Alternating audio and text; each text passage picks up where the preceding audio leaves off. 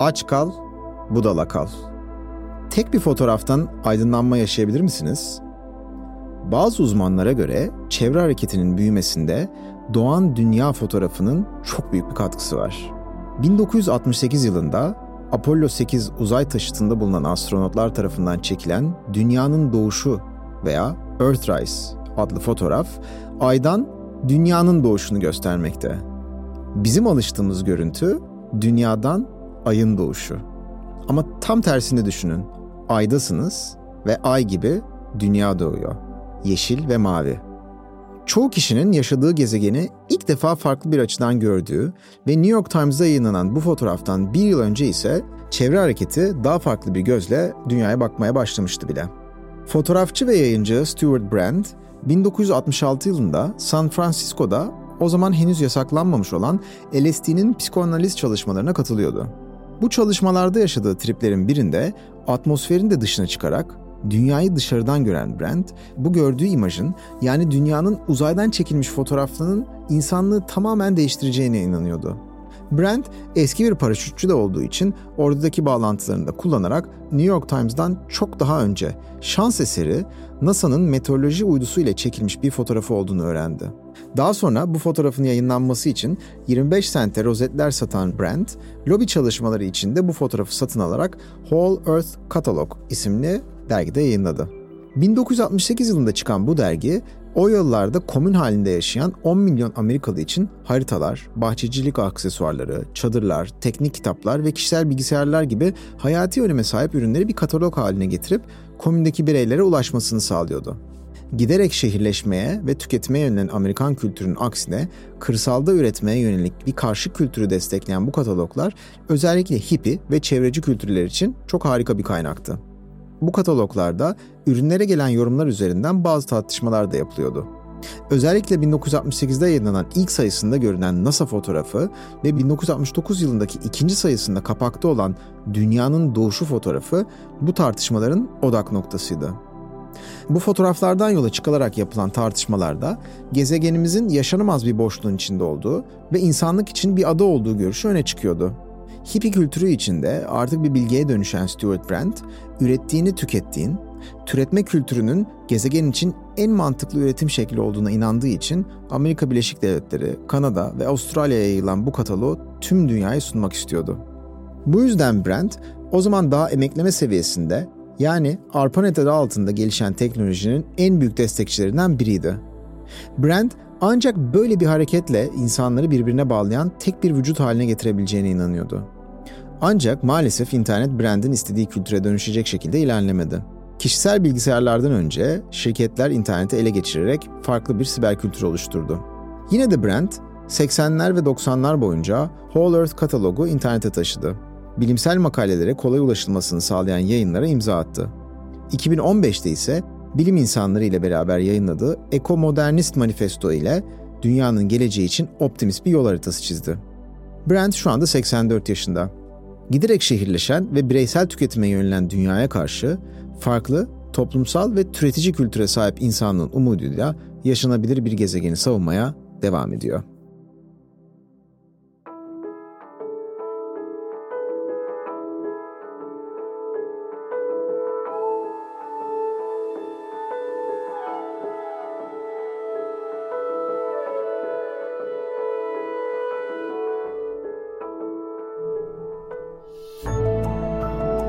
Murat Hocam merhabalar. Tekrardan hoş geldiniz. Tekrardan hoş geldiniz diyorum çünkü Murat Hoca'yı bugün aslında Çanakkale'den İstanbullara getirdik bu kayıt için ve Enerjisel Üretim'in bir odasında bu kaydı gerçekleştiriyoruz. Sizi ilk önce tanımak istiyoruz. Biz sizi iklim bilimcisi olarak tanıyoruz aslında ve aynı zamanda Boğaziçi Üniversitesi'nde iklim değişikliği ve politikaları uygulama ve araştırma merkezinde yönetim kurulu üyesisiniz. Yani siz kendinizi iklim bilimcisi olarak mı tanımlıyorsunuz yoksa direkt çalıştığınız spesifik alanla mı tanımlıyorsunuz? Bir de yani aslında hani bu noktaya nasıl geldiniz çok merak ediyorum. Hani o kadar fazla yaptığınız araştırma var ki yani iklim üzerine, meteoroloji üzerine. Biraz bu böyle kişisel hikayenizden de bahsederseniz öyle bir giriş yapalım. Teşekkür ederim önce davet ettiğiniz için. Soru da gerçekten tam böyle açılacak bir soru.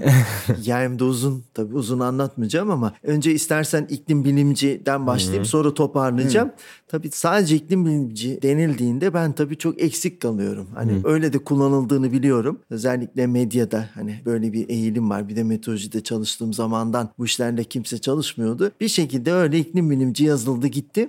Bu kötü bir şey değil. Onu söylemiyorum. Eksik oluyor sadece. Ben kökenim yani akademik kökenim fiziki coğrafya ve jeoloji.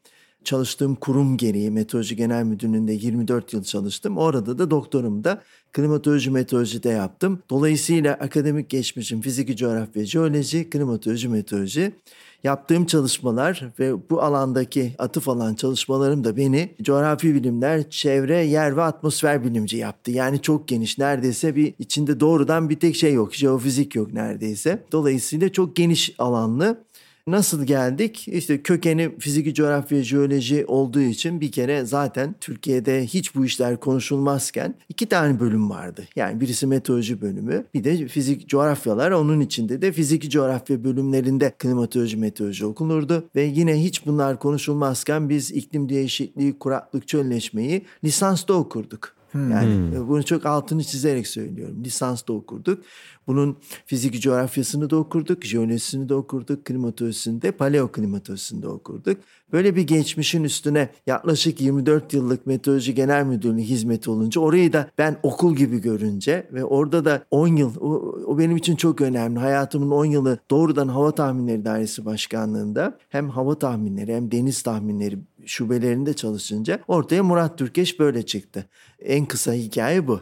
O zaman hocam bir tane soru sorabilir Tabii, miyim? Bu çok klasik... kısa söyledim. Evet. Tamam tamam. Yani çok kısa sorabileceğimiz ama hava durumu ve iklim arasındaki fark. Yani herhalde böyle yine lisansta girişte falan e, e Evet eskiden bir... öyleydi ama şimdi koca koca profesörler bunları karıştırıyor. Ha. Yani böyle bir duruma geldik. Bir karmaşa var Türkiye'de. Az önce özel sohbetimizde de biliyorsun. Türkiye'de hava ve iklim haberciliğinde olan sorun bu televizyonlara çok çıkan insanlarda da var. Hatta böyle profesör titirli, uzman e, olanlar da bu yanlışı yapabiliyor. Şimdi klimatoloji, meteorolojiden başlıyor bu ayrım zaten. Çok genel olarak biliyorsunuz gözlenen uzun süreli klimatolojik meteorolojik gözlemlerin yani bir bölgedeki iklimin insan etkinlikleri, sosyoekonomik ve doğal sistemler üzerindeki etkileri, doğa insan etkileşimini yapan klimatoloji. Ve hmm. dolayısıyla iklim de bir bölgede örneğin şu anda İstanbul'dayız hava olaylarının uzun süreli ortalaması ve değişkenliği şeklinde özetleyebiliyoruz. İşte İstanbul'un iklimi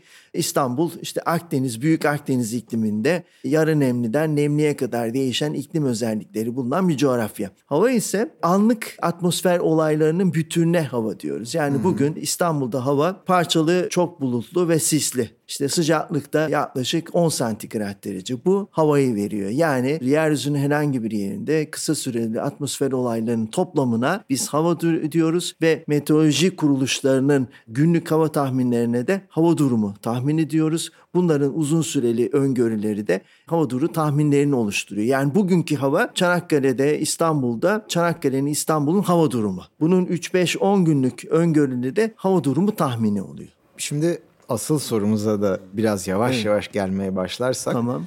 İnsanlık olarak aslında avantajlı bir noktadaydık. Uzun süreli iklime bakarsak işte o yangırdır, ayasları falan dışarıda bırakalım. Evet. 20-25 bin yıldır iklimsel olarak baktığımız zaman hani stabil giden bir medeniyet kurmaya çalıştığınız zaman 4 bin yıl, 5 bin yıl ayakta durabilen yapılar yapabildiğiniz o zamanki teknolojilerle bile bir noktadaydık. Ama son 250 yıl içerisinde görüyoruz ki aslında bu trende bir değişiklik var mevsimselliği bile çıkarttığınız zaman hava sıcaklıkların artışını, ona bağlı olarak olağanüstü hava olaylarındaki artışları vesaire de net bir biçimde görebiliyoruz, gözlemleyebiliyoruz. Bu noktaya nasıl geldik? Nasıl oldu bu iş? Çok hızlı geldik bir kere. Yani söylediğiniz gibi son buzul çağından günümüze yaklaşık işte dünyanın farklı coğrafyalarında az buçuk değişiyor ama hı hı. yani artı eksi birkaç bin yıl olabiliyor ama son 22-23 bin yıl önce son buzul çağını yaşadık. Sonra iklimde bir ısınma oldu. Arada sen de söyledin bir soğuma dönemi oldu ama yine genel kabul görmüş küçük farklılıklarla olmakla birlikte içinde bulunduğumuz Holosen dönemi yani son 11 bin yıla geldik. Hı hı. 11 bin yılın içinde de başlangıçta bir Holosen sıcak dönemi yaşandı. Sonra da son biliyorsunuz Holosen'in son döneminde yani sanayiden önceki 300-400 yılda da yani sanayi döneminden önceki son 300-400 yılda da özellikle Kuzey Yarımküre'de ve Avrupa'da etkili olan küçük buzul çağını yaşadık. Evet. Ve ondan sonra da sanayi devrimiyle birlikte çeşitli insan etkinlikleriyle özellikle fosil yakıtları kullanarak atmosfere çok sayıda sera gazını daha fazla vermeye başladı. Ya çok özetle söylemek gerekirse insan etkinliklerini tanımlamak gerekiyor. Yani hmm. fosil yakıtların kullanılması, fosil yakıt yakılması aslında. O arazi kullanımı, arazi kullanımı değişikliği, ormansızlaşma,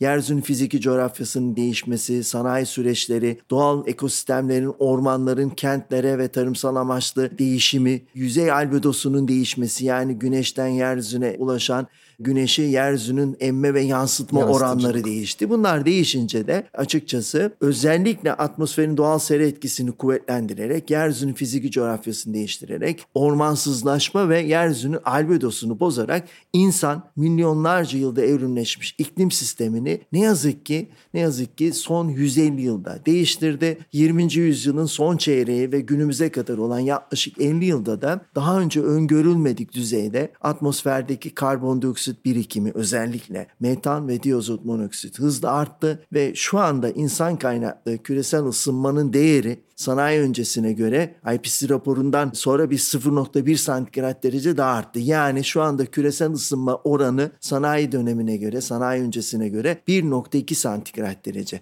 Daha açık söylemek gerekirse dünya şu anda sanayi öncesine göre 1.2 santigrat derece daha sıcak. Üstelik bu küresel ortalama yıllık yüzey sıcaklığı. Evet. Bölgesel olarak baktığınızda bunun 1 ila bugünkü koşullarda 3-3-4 santigrat dereceye ulaştığını çoktan görüyoruz görüyoruz. İklim modellerinin bize bir şey söylemesine gerek yok. Şu anda dünya ortalama 1.2 santigrat derece ısındı.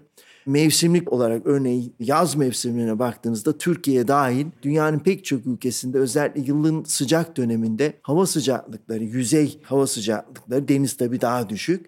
Özellikle kuzey yarımkürede 1,5-2 ila 4-4,5 santigrat derece artmış durumda. Bunu böyle başardık. Yani insan milyonlarca yılda evrimleşmiş fiziksel iklim sistemini çok kısa sürede yani sanayi devrimiyle başlayan ama 20. yüzyılın son çeyreğinde ve günümüze kadar olan yaklaşık 50-60 yılda hızlandıran bir süreç var ve insan kaynaklı iklim değişikliği küresel ısınma da buradan çıkmış durumda ve bunların tabii e, dolaylı ve doğrudan pek çok başka göstergesi ve etkisi var. Hı hı. Hocam öncelikle biz böyle çok uzun süredir podcast yapıyoruz. Şu ana kadar dinlediğimiz en iyi özetlerden biri olabilir. evet. İklim krizini ve küresel ısınmayı net bir şekilde açıklayan sanki böyle sayfalarca IPCC raporunun bir böyle bir paragraf özeti gibi oldu. İşte benim 35 bu... yılımda böyle geçtiği için böyle oluyor yani işte. Gerçekten evet. yani biraz etkileyiciydi bu. Peki bütün bunlara rağmen eylemsizlik konusunda ne düşünüyorsunuz? Yani hani bu çok net bir tablo var önümüzde. Evet ve insanlar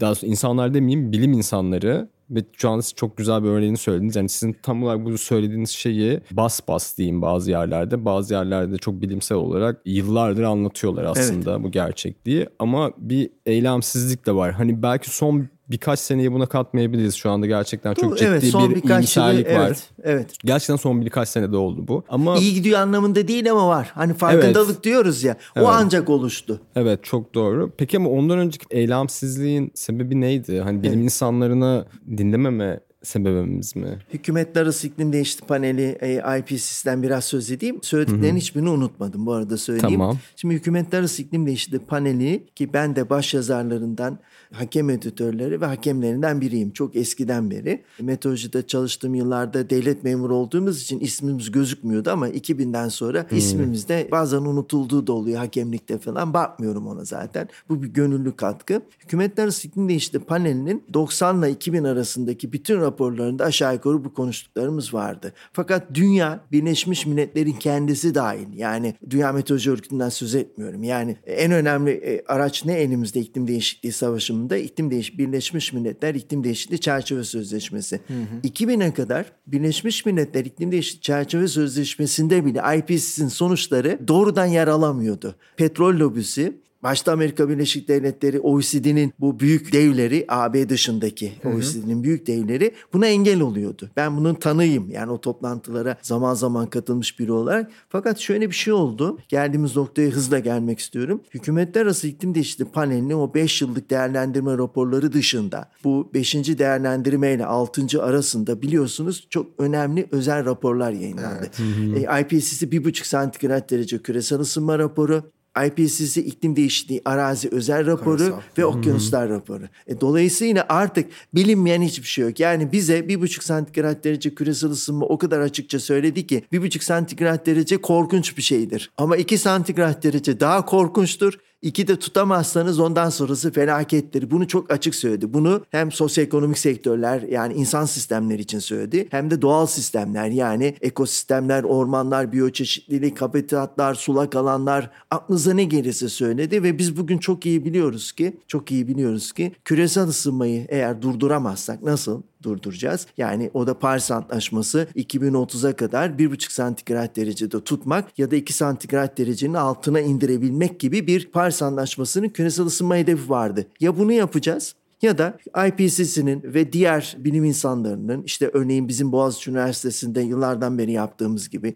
ya da tek tek bilim insanlarının ürettiği bilgilerde olduğu gibi iklim değişikliğinin ve onunla bağlantılı iklim değişikliği, kuraklık, çölleşme, sıcak hava dalgaları, şiddetli hava ve iklim olayları gibi pek çok doğrudan ve dolaylı sonuçlarının olumsuz etkilerini yaşayacağız. Bu çok açık. Bunda hiç kuşku yok. Mesela geçmişte biraz tartışılırdı. Ama söylediğim gibi 5. değerlendirme raporu ve IPCC 1,5 santigrat derece ve çölleşme iklim değişikliği arazi raporundan beri yani 2018-2019'dan beri dünyada insanın iklim sistemi üzerindeki olumsuz etkisinin olmadığını söyleyen çok dar, çok dar bir lobici çevre dışında böyle bir şey yok. Şimdi geldiğimiz nokta açıkçası bu bilimsel bilginin üzerine eylem, iklim eylemi biliyorsun. Bunun da bir adı da var aslında. Yani iklim değişikliği savaşımı aynı zamanda Birleşmiş Milletler biliyorsunuz sürdürülebilir kalkınma amaçlarının arasında 17 kalkınma amacından biri birisi iklim eylemi. Peki iklim eylemi sadece söz değil ama iklim eylemi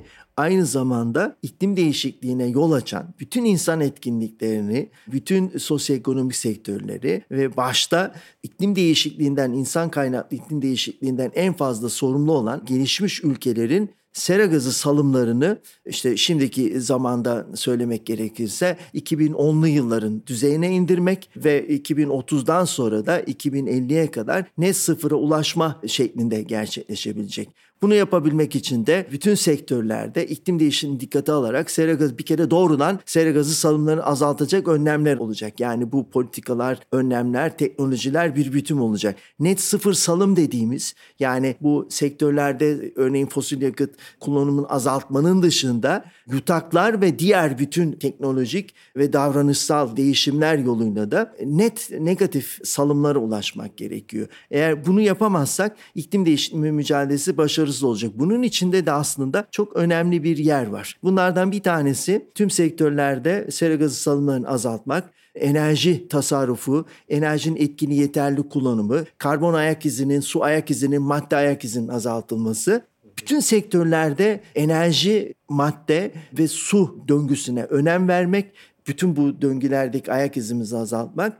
Ama bunun içinde çok önemli bir şey var. Güneş ve rüzgar gibi birincil enerji kaynaklarının, yenilenebilir enerji kaynaklarının birincil enerji içindeki payını arttırmak. Bu çok önemli. Çünkü eğer biz yenilenebilir enerjileri birincil enerji içindeki payını arttırırsak ve yenilenebilir kökenli bol ucuz elektrik enerjisi üretirsek ve yaşamımızı sektörleri de bu teknolojiyi de elektrik enerjisini doğrudan kullanabilecek hale getirsek yani o teknolojiye yatırım yaparsak ancak bugünkü koşullarda sera gazı salımlarını insanın iklim sistemi üzerindeki olumsuz etkisini giderecek, Paris Anlaşması'nın hedefini tutturabilecek bir başka deyişle iklim değişikliğini önleyip etkilerini en aza indirebilecek düzeye gelecek. Dolayısıyla burada bütün ülkelere, bütün kalkınma örgütlerine yani OECD'den işte Asya Afrika'daki ulusların kendi örgütlerine, Avrupa Birliği'ne, ülkelerde kamu, özel sektör ve sermayeye, e, tabii kentlerde yaşayan insanlar, kentleri yönetenlere yani özellikle büyük kentlerde mega kentlerde ve bütün kentlerde yerel yöneticilere kuşkusuz tabii bir paydaş olarak da sivil toplum kuruluşuna çok önem verilmesi gerekiyor. Bütün bunlar bir araya gelirse iklim eylemi ancak öyle hayata geçiyor. Çünkü iklim eylemi gerçekleşmezse iklim değişikliğinin olumsuz etkilerine karşı uyumun başarı şansı da düşüyor. Yani siz iklim değişikliğini hiç önleyemezseniz, hızı azaltamazsanız, tek başınıza uyum konuşursanız dünyanın bu uyumu gerçekleştirebilecek ne parası var açıkçası ne de teknolojisi var. Çünkü gelişmiş, gelişmekte ve az gelişmiş ülkelerinde ciddi finansman, insan kaynağı ve deneyim farklılığı söz konusu. Kesinlikle. Bu arada yani bunun da büyük ihtimal birçok aktör farkında. Çünkü her zaman şu söyleniyor. Eğer iklim eylemini gerçekleştirmezsek bu adaptasyon inanılmaz bir maliyete sebep olacak. Öyle hani olacak. Para kaybedeceğiz. Ve zaman geçtikçe o Zaman maliyet kayb- artıyor. Ayrıca ama mesela örneğin hemen 1900 o kadar gitmeyeyim. Paris Anlaşması'na gideyim. O kadar zamanımız yok biliyorum. 2015 biliyorsunuz kabul oldu. 2016'da yürürlüğe girdi. Aradan bir sürü zaman geçti. Hala konuşuluyor. Hiçbir şey yapılmıyor. Bu bütün geçen zaman hem iklim değişikliği mücadelesinin zorlaşmasına, maliyetinin artmasına yol açıyor. Hem de etkilenebilirliği azaltmak. Yani iklim değişikliğinden etkilenebilirliği azaltmak. İnsan ve doğal sistemlerin direngenliğini arttırma yoluyla uyum kapasitesini geliştirmenin maliyetini arttırıyor ve bu giderek öteleniyor. Şu anda dünya o, o noktada aslında. Hocam ben bir şey sorabilir miyim? Kişisel bir soru gibi gelecek ama sormak istiyorum. çok Siz ne zaman olurum. başladınız? Şey yani sene kaçtı mesela hani ilk klimatoloji ve meteoroloji çalışmaya başladığınızda böyle genç bir bilim insanı olarak. Meteoroloji Genel Müdürlüğü'nde 1981'de işe başladım.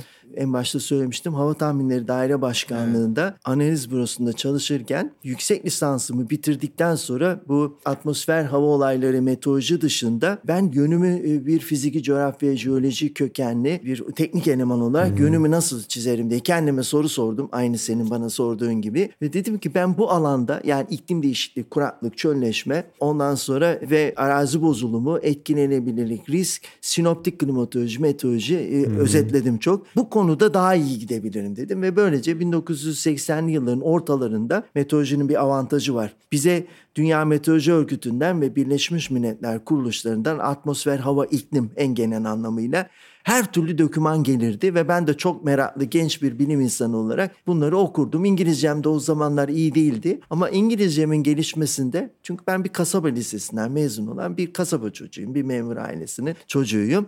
Bir kız kardeşim var. Biz sıradan liselerde okuduk. Ben liseyi bitirdiğimde İngilizcem bugünkü şeyle 1 ile 3 arasında bir puana gelirdi. Yani 10 üzerinden yapsanız.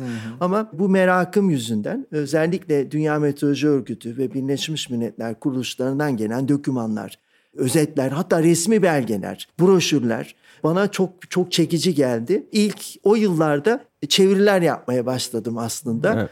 O sırada tabii ki yani mesela iklim krizi ve bu değişimle ilgili öğrenmek istiyorsunuz. Aslında bir yandan da yani 1980'li yıllarda farkındasınız yani Evet. bu meselenin. Ve büyük ihtimalle birçok bilim insanı da dünyada, Türkiye'de farkında ama o zaman hiç gündem olmayan bir konudan Evet. bahsediyordu. O nasıl hissettiriyordu mesela hani ve hani bir gün işte 2020'lere geleceğiz ve ben her yerde hani kendi bilimsel araştırmamın yanında konuşurken söylüyorduk işte gittiğim her yerde konuşmaya çalışıyorum iklim eylemiyle ilgili bir şey yapılsın diye söz alıyorum. İşte birlikte çalıştığınız Levent Hoca da hani her yerde konuşuyor. Siz her Tabii, yerde konuşuyorsunuz. Hani o zaman genç bilim insanına dönerseniz hani o zaman düşünür müydünüz böyle bu duruma gelecek? Ya da hani o zaman bir de iki soru aslında hani o zaman ne hissettirdi onları görmek? Bir dakika ya burada bir şey oluyor. Telaşlandım.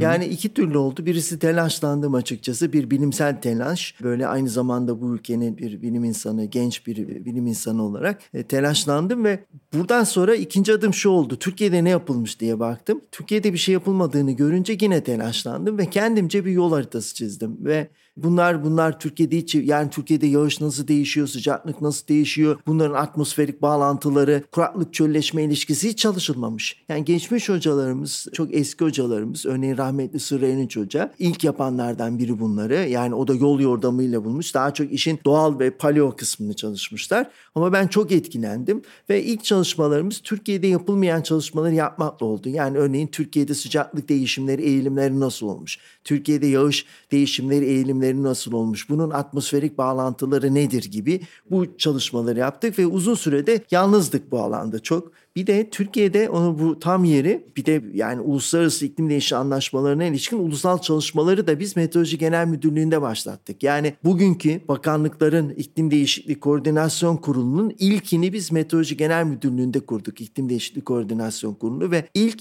iklim değişikliği ve değişkenliği birimi de Meteoroloji Genel Müdürlüğü'nde 91'de kuruldu. Bütün yazılarımızda bunların tüm kurumlarda kurulması gerektiğini yazmıştık ve biliyorsunuz şu anda bakanlıklarda ve yerel yönetimlerde iklim değişikliği birimleri de var. Bu bizim çok uzun yıllar tek başımıza yaptığımız bir şeydi. Yine Kyoto protokolü sonrasına kadar Türkiye'deki ulusal iklim değişikliği çalışmalarını tek başına yaptığımızı söylemiyorum büyük kısmının ağırlığı bizdeydi ama kurum olarak sorumluluk bizdeydi. Yani birçok kurum iklim değişikliği mücadelesi ve iklim diplomasisi konusunda konu çok karmaşık olduğu için ve sera gazı salımlarını azaltmak gibi bir sonuca ulaşmak gerektiği için var olan sistem değişmesin diye uzak durdular. Hmm. Ta ki çok uzun yıllar uzak durdular.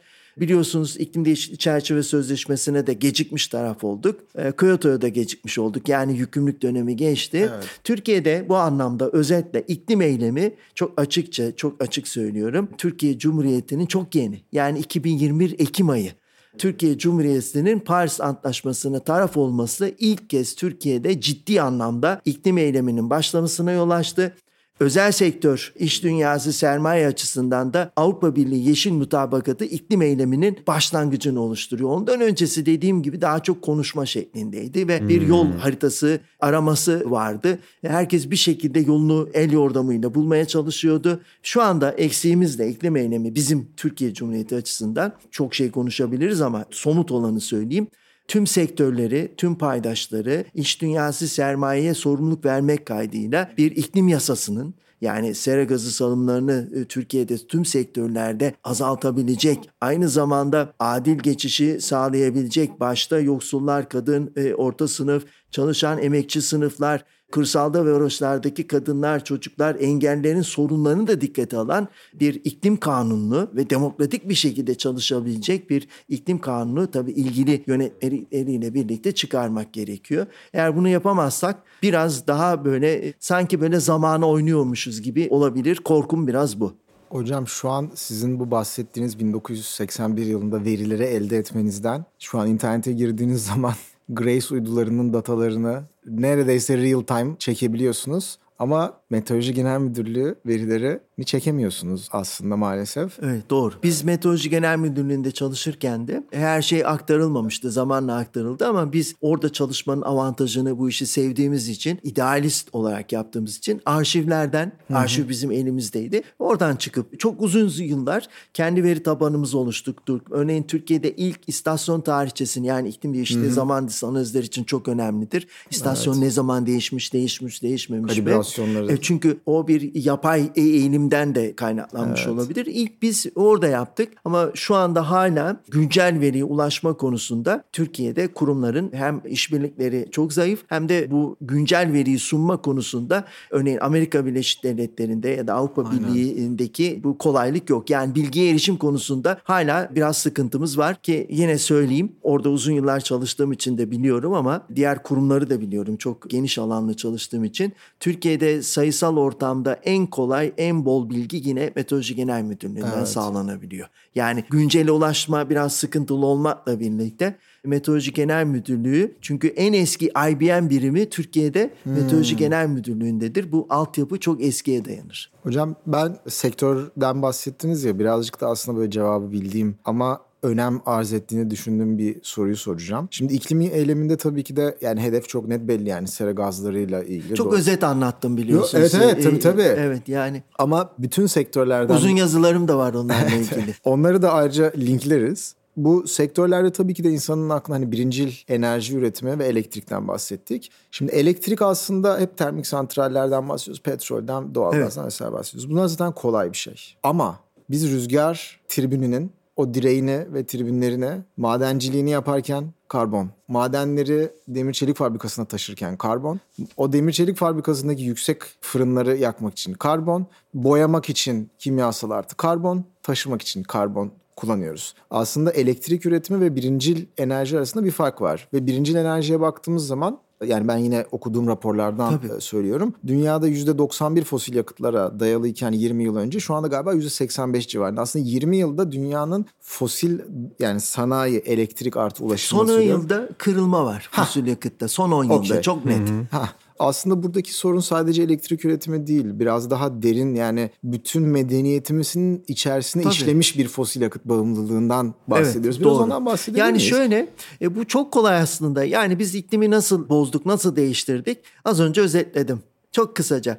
Fosil yakıt kullanımı, fosil yakıtların yakılması, arazi kullanımı, arazi kullanımı değişikliği, ormansızlaşma değil mi?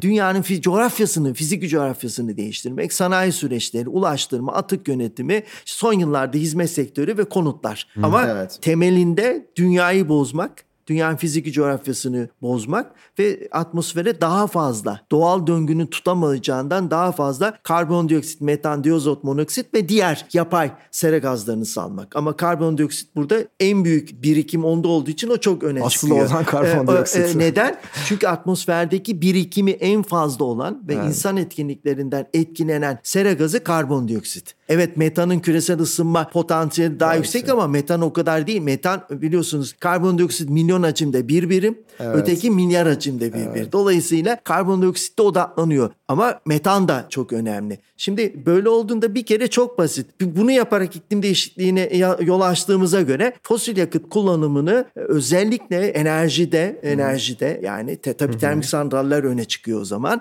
Ama fosil yakıt kullanımını başta kömürlü termik santraller olmak üzere zaman içinde aşamayla kaldırmak çok zaman değil ama 10 yıl içinde bunu yapmamız gerekiyor. Ve buradan kaynaklanan enerji açığını da yeni yenilenebilir enerji kaynaklarından bunun içinde tartışmanın en az olduğu yani pek çok tartışma var biliyorsun. Jeotermalde ayrı tartışma var, biyokütlede ayrı var ama eğer çevresel etki değerlendirme bilime, tekniğe, akla, vicdana ve etiğe uygun yapılırsa tartışmanın en az olduğu rüzgar ve güneş. Dolayısıyla rüzgar ve güneş temelli yenilenebilir enerjinin birincil enerji içindeki payını arttırdığımızda elektrik enerjisi üretiminde fosil yakıt kullanımı çok hızlı azalıyor. Bir de en başta yine söyledik enerji tasarrufu, enerjinin etkili, yeterli verimi kullanımı, madde, enerji, su ayak izinin azaltılması ve kişisel olarak da kurumsal ve kişisel olarak da özellikle bütün bunları hayatın içine sokmak, karbon ayak izini azaltmak. Bunu yaptığınızda ancak sera gazı salımlarını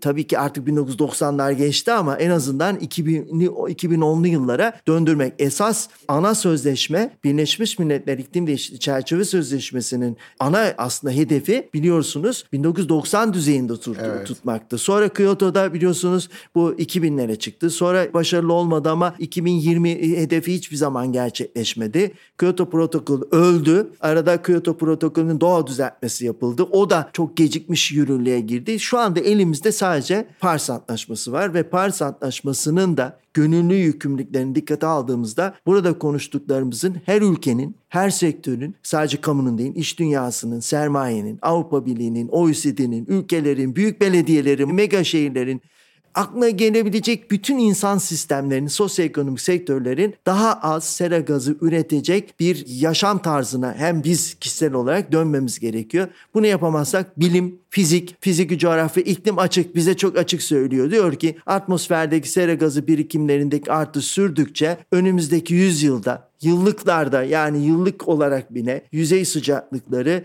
kötümser senaryo olursa 5, 6, 7 santigrat derece daha yüksek olacak. Düşünebiliyor musunuz? Türkiye'de yaz mevsiminde önümüzdeki 30 yıl içerisinde hava sıcaklıkları 3 santigrat derece artmış. Biz zaten yaşayamıyoruz 3 santigrat derece. Neden? Bir başka sorunumuz daha var. Bütün doğayı yok ettik Kentler yeryüzünün çok geniş alanlarını kaplıyor. Bütün kıyı alanları, bütün ekosistemler ya kentlere ya tarıma dönüşmüş durumda. Dolayısıyla biz bir yandan da doğal iklimi, coğrafyayı bozarak yaptık. Mesela kentler kentsel ısı adası üretiyor. Evet. Kentler bir fizikteki siyah cisim gibi davranıyor. Güneş enerjisini daha fazla emiyor ve gece bunu uzun dalgalı enerji olarak salıyor. Bir yandan da kentlerin ürettiği bir ısınma söz konusu bir bütün halinde yaşam tarzımızı değiştiremezsek, sektörleri dönüştüremezsek, ciddi teknolojik dönüşümler yapamazsak ve buralara insana ve teknolojiye ve enerjiye daha sürdürülebilir bir yaşam tarzına yönelik eğer yatırım yapamazsak iklim değişikliğinin mücadele sıkıntıya girebilir ama yolları belli. Var bakın her cümlemde çözüm de var aslında. Bir röportajınızda zaten şöyle diyorsunuz. Ekosistemlerimiz aşırı isteklerimize ayak uyduramıyorlar. Çok yani doğru. aslında hepsi bunların içinde var. Çok yani doğru. Çok fazla şey istiyoruz. Tabii. Dünyadan çok fazla şey Tabii, istiyoruz yani aslında. düşünün bir yöre düşünün. Aynı anda kentleşme baskısı var, tarım var, ormansızlaşma var, termik santral var. Her tarafta enerji üretim sistemleri var. Onun üstüne altın gümüş madenciliği var. Bunun kümülatif etkisini düşünün. Yani hmm. ek- ekolojik sınırları aşıyoruz biz. Dünyada pek çok biliyorsunuz sınırları aş- Mesela şu anda biyojeo-karbon döngülerin büyük bir kısmını enerji döngüsü dahil insan değiştirmiş. Yani azot döngüsü bozuldu, Tabii. oksijen döngüsü bozuldu. Bir tek hidrolojik döngü kaldı şimdilik. O da iklimle doğrudan etkileniyor. Yani insanın ama hidrojen enerjisi gibi biliyorsunuz başka şeyler de var gelecekle ilgili. İnsan şu anda gerçekten ekosistemlerin bütün kritik eşiklerini aşmış durumda. Çünkü ekosistem dediğiniz pek çok ekolojik ilişkinin, pek çok ekolojik etmenin bir arada çalıştığı bir sistem ve içinde canlı var. Canlıyla cansız sistem arasında öyle muazzam bir etkileşim var ki demin sözünü ettiğimiz insan kaynaklı etkilerin kümülatif olarak ne yaratabileceğini biz şu anda farkındayız. Yani eğer biz doğaya dönüş yapamazsak ekosistemleri, doğal sistemleri, doğal varlıkları, kaynakları bu kadar aşırı sömürürsek ve onların bütün varlık nedenlerini oluşturan çok geçmişe dayalan bu sınırlarını, ekolojik sınırlarını aşarsak ki aştık o zaman sadece iklim değişikliği mücadelesi de yetmez. Size tabloyu söyleyeyim. Maymunlar Cehennemi filminin ilk sahnesi vardır. Bizi bekleyen sahne bu biraz karamsar oldu. Evet ben genelde çok yapmamaya çalışırım ama son zamanlarda bunu yapıyorum. O filmi çünkü çok bayağı bir çok gençken izledim. Bilmiyorum 40 yıl öncenin filmi mi? Şimdi çok hatırlayamadım. Siz daha iyi bilirsiniz. Yenileri de çekildi hocam. Aynen, o da de ha, yenisinde o... değişti mi ilk sahne? Değişmedi. Değişmedi değil mi? Aktörler hikayeyi, değişti. Aktörler değişti bir de hikaye başka yerden izliyoruz başka yerden, ama evet. sonuç aynı. Maymunlar Cehennemi'ni biliyorsunuz ilk sahnesini. Evet, evet. Biraz ona doğru gidiyor ne yazık ki. Umarım gitmez. Burada şey yanılgısı da var mı hocam? Mesela biz bunun iletişimini yaptığımız zaman şöyle bir yanılgı oluyor insanlarda. Dünya çok büyük. İşte biz insan olarak nasıl bunu etkileyebiliriz? Ama aslında atmosferin çok kırılgan olduğunu anlamıyoruz. Yani ben şimdi mesela buradan sırtımı yere versem bak dimdik koşmaya başlasam bir saat sonra atmosferin dışına çıkıyorum. Yani atmosfer çok küçük bir yer. Yani düşünseniz koşarak dünyanın çevresini iki yılda falan koşarım atmosfer aslında çok ince bir tabakadan bahsediyoruz. Öyle, evet. Ve buna ek olarak karbondioksit hassasiyet... Yani anladığımız anlamda atmosfer anladığımız yani. anlamda fiziksel değişkenleri 700 kilometreden sonrası biliyorsun dış uzaya karşılık geliyor. Hmm. Ama ya, stratosfere bile gitmeyelim. Ha, oraya Biz... da gitme. Oraya orası da zaten stratosfere gitmeyeceksek de 20 kilometre. Onu onu demek istedim. Yani hani çok incecik bir tabaka. O kadar. Koşsan koşarsın yani. Koşsan yani. koşarsın. E bir de zaten bizim bu karbon... Evet 20 kilometre bakar mısın? Evet evet, evet çok düşük yani. Hayır, bizi bırakıp işimizi yürümeye başlasak şu podcast kaydını bitirdiğimiz zaman aslında statosfere geçmiş oluyoruz yani. Evet hani. doğru. Zaten statosferden O da sonrası... 20-30 kilometre arasında zaten. Çok uzak değil merak etme. Ama bir, o, bir sonraki köyde. O bizi ilgilendirmiyor zaten. Bizim bütün hava olaylarımız biz burada. ama biz karıştırmayalım şimdi. Ya tamam aynen aynen tamam, karıştırmayalım. Tamam. Şimdi bir de bunun dışında şey gibi birazcık yani siyanüre benzetiyorum aslında. Yani karbondioksite teşekkürler. Yani olmasaydı sera gazı berbat bir yani eksilerde yaşıyorduk kararında çok güzel. Biz de karbonuz biliyorsunuz. Tabii tabii. Ben atmosfer açısından söylüyorum karbondioksit olarak. Ama birazcık da böyle siyanüre de benzetiyorum. Yani bir suya bir damla bile damlattığınız zaman etkisi çok fazla oluyor. Aslında biz bunu da çok algılayamıyoruz. Evet. İşte atmosfere karbondioksit saldık dediğimiz %0.04'ten falan bahsediyoruz aslında. Evet. Bunun iletişimi aslında bilimsel olarak bu bilgileri şey gibi biraz hissediyorum. Yani Utku ile biz bunları okuyup, ilgilenip, öğrenince öğrendik. Ama böyle 20 yıl boyunca eğitim sisteminden geçtiğimiz zaman bunları bilmemiz gerekmiyor muydu? Yani dünyanın nasıl çalıştığını bilmemiz gerekmiyor muydu? Çok güzel bir soru. Bu eğitimle ilgili ve bunun yapı verileceği ders de belli coğrafya. Aynen. Ama biz 20 yılda coğrafyayı okullardan uzaklaştırdık. Bakın şu andaki puan hiç düşündünüz mü? Coğrafya eğitimi şu anda bitmek üzere. Sadece sözel öğrenciler oluyor. Sınavda çok az soru soruluyor. Eşit ağırlık biraz görüyor. Asıl bu dersi alıp dünyayı, doğayı öğrenmesi gereken fen ve mühendislik alanlarına gidecek öğrenci coğrafya okumuyor. Hocam ben coğrafya okuyayım dedim. Fen lisesi mezunuyum. Çok özledim sözünüzü böldüm ama şey dediler o zaman ya manyak mısın coğrafya okunur mu falan diye. Sana kim söylediyse senin gibi Ben biriyle gerçekten. e, bence dü- coğrafya alemi seni kaybetmiş. Onu söyleyeni Tekrar şu kazandı anda hocam. Başka bir yönden kazandı. Tamam. Ee, yani bu sorduğun sorduğun soru böyle bir şey. Yani bu biliniyordu. Örneğin biz çok uzun zamandır daha iyi anlaşılsın diye şöyle anlatıyoruz. Yani şimdi atmosferdeki karbondioksit diyoruz ki işte e, Mauna Loa'da işte e, 1955 yılında 315 ppm'di yani milyon hacinde bir birimdi. Şimdi yıllık 2021'de 419 420 ppm oldu. Geçen sene Mayıs ayında da 421'i neredeyse aştık. E ne olacak diyebiliyor insanlar buna. Onu da şöyle anlatıyorsunuz. Son 1 milyon yılda paleo iklim kayıtlarına baktığınızda atmosferdeki karbondioksit birikimi 180-190 ile 280-300 ppm arasında değişmiş. Buzul buzul arası çağlar olmuş. Ne, dünya coğrafyası değişmiş. Ama biz çok kısa sürede biliyorsunuz 280 ppm en son sanayi öncesi. Evet. 280'den 400'ü aştık. Bu korkunç bir şey. Neden? Son 1 milyon yılda böyle bir şey olmamış. Yine çok çarpıcı. Özel insanlar iyi an tabii eğitim yine söylüyorum. Bunun öğreneceği yer coğrafyaydı. Coğrafya yok edildi. E, Bu puan sisteminin yanlışlığı da bunun içinde. Mesela dünyada fene matematiğe bu kadar kapalı bir lise puan sistemi yok. Yani sözel puan sistemi hem ülkeye zarar veriyor hem de coğrafya doğa eğitimine zarar veriyor. Şimdi örneğin e, sıcaklık değişimleri açısından da bir karşılaşma çok önemli.